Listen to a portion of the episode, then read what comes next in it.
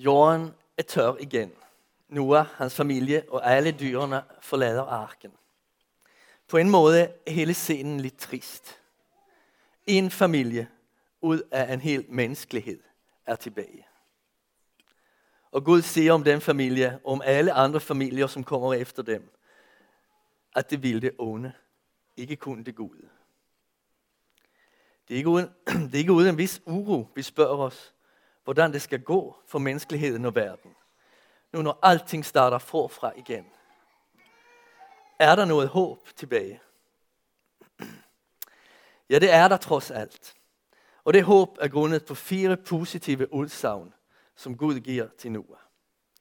Det første han siger, jeg tager imod jeres offer.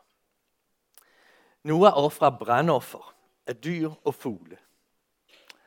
Det hedder brandoffer, fordi man brændte dyrene og fuglene helt, sådan så det ikke kunne spises. Gennem brandoffre ville man vise, at syndens konsekvens var døden. Den totale udryddelse af alt. Og derfor brændte man det hele. Brandoffret duftede nok ikke så godt. Men vi læser, at Herren indåndede den livlige duft. Det er en måde at sige på, Herren accepterede Noahs offer, tog imod det som tegn på hans hengivelse.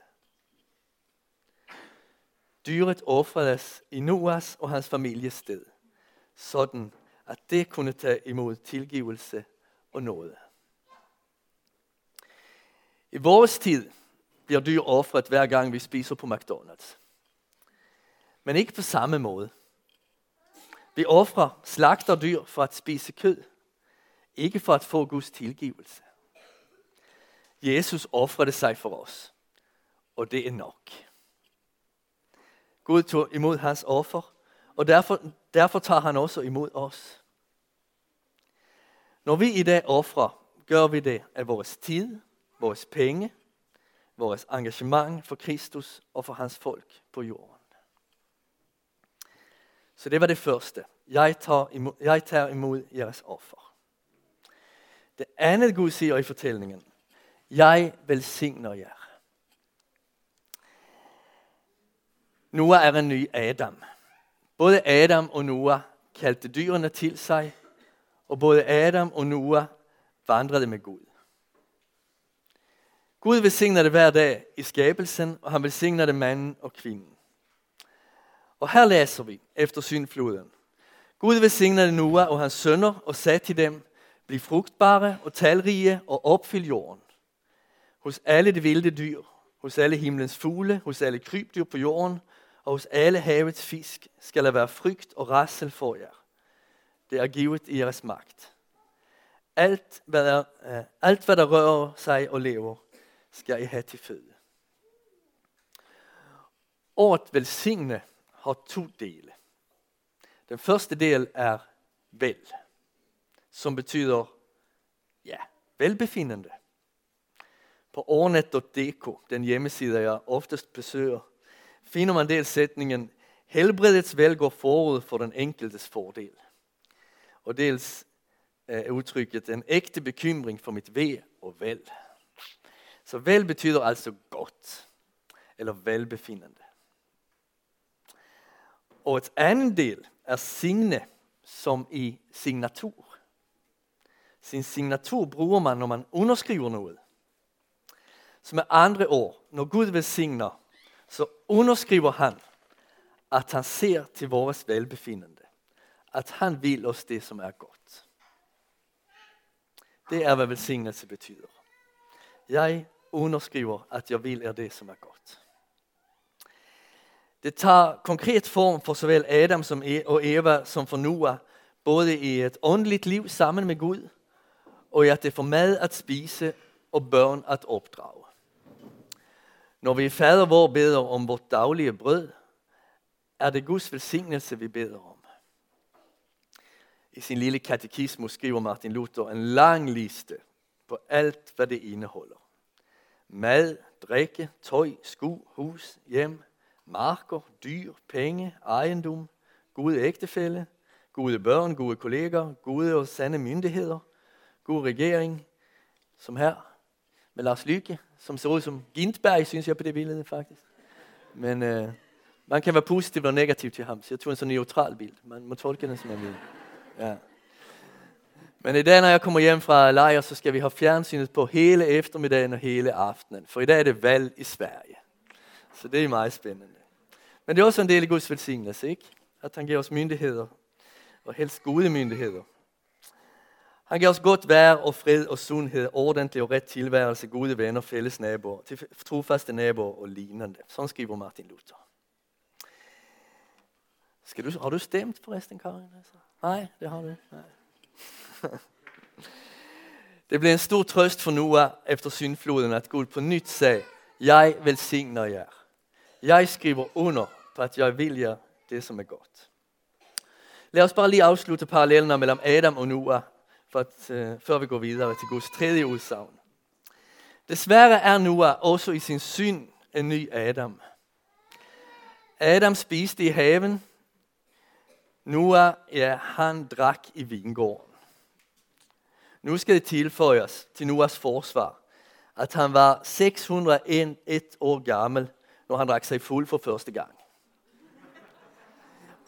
Så det er et godt tip til teenagerne. Vent til jeg er 601 år gammel. Det, ja. Nej, vi skal ikke dømme ham alt for hårdt. Altså. Det blev både for Noah og for Adam et problem, at det var nøgne. Det skulle skjule sig. Og begge fik også se deres efterkommende deles op i dem, som var trofaste mod Gud, og dem, som forlod Gud. Så vi har tydelige paralleller mellem Adam og Noah. Ja, det er om det. Så kommer vi til det tredje udsagn fra Gud. Det tredje Gud siger, jeg ophøjer jer.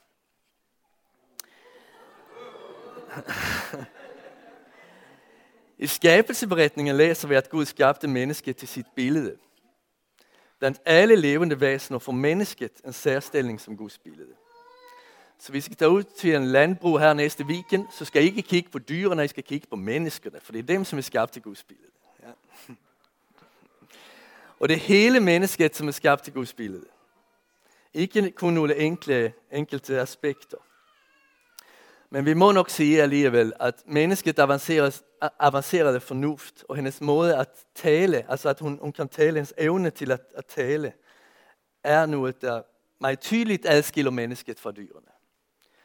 Um, at hun kan gå ind i den slags kreative relationer, som hun kan med medmennesket og den øvrige skabelse. Det er helt unikt for mennesket, må man nok sige.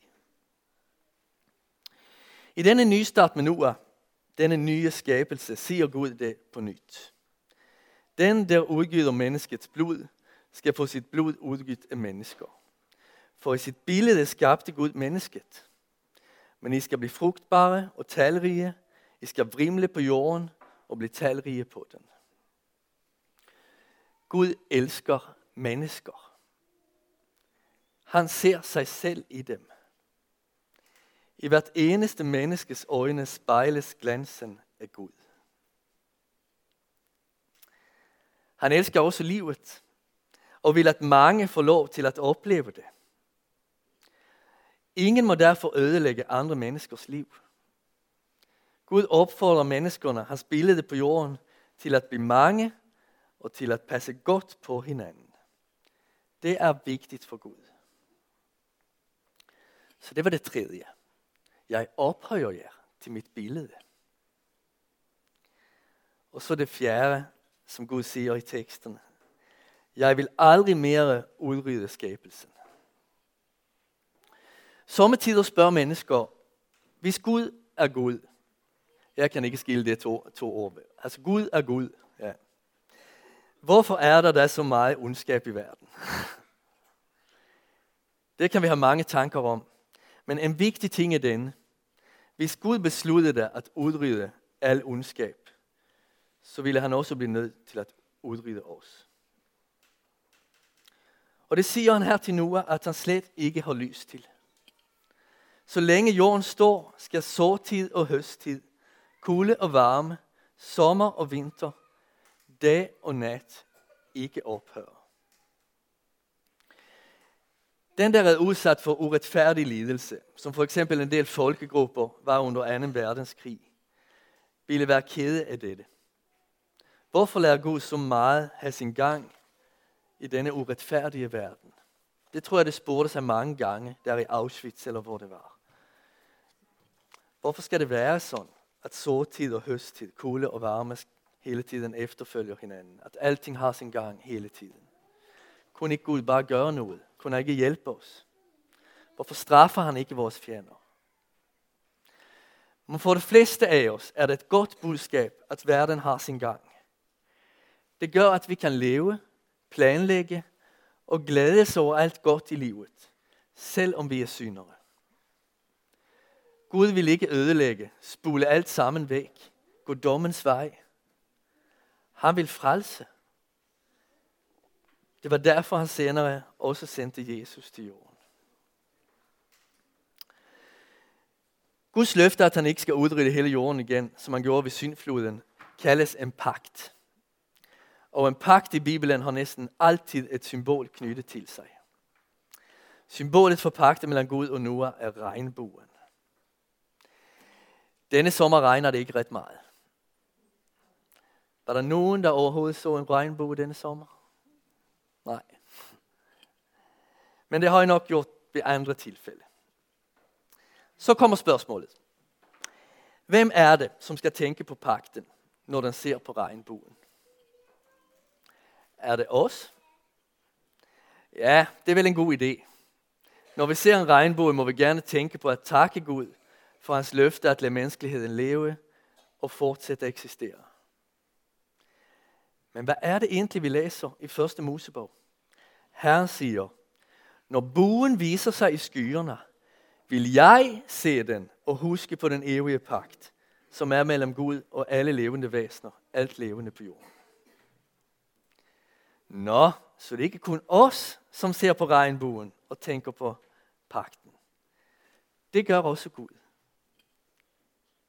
Hver gang han ser en regnbue, minder han sig om, at mennesket er skabt i hans billede, og at han har lovet at velsigne dem, og at han har forpligtet sig til ikke at udrydde dem, som han, så længe jorden består. Regnbuen er tegn på Guds barmhjertighed og omsorg. Gud opholder jordens rytme, opholder kommende slægte. Senere indgår Gud en pagt med Abraham. Den pagt fokuserer på Israel og i forlængelsen på alle mennesker.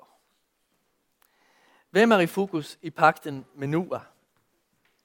Sådan her siger Gud.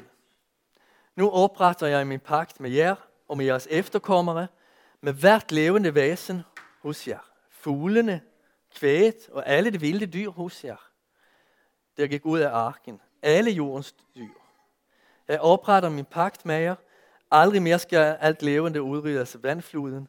En vandflod skal aldrig mere ødelægge jorden.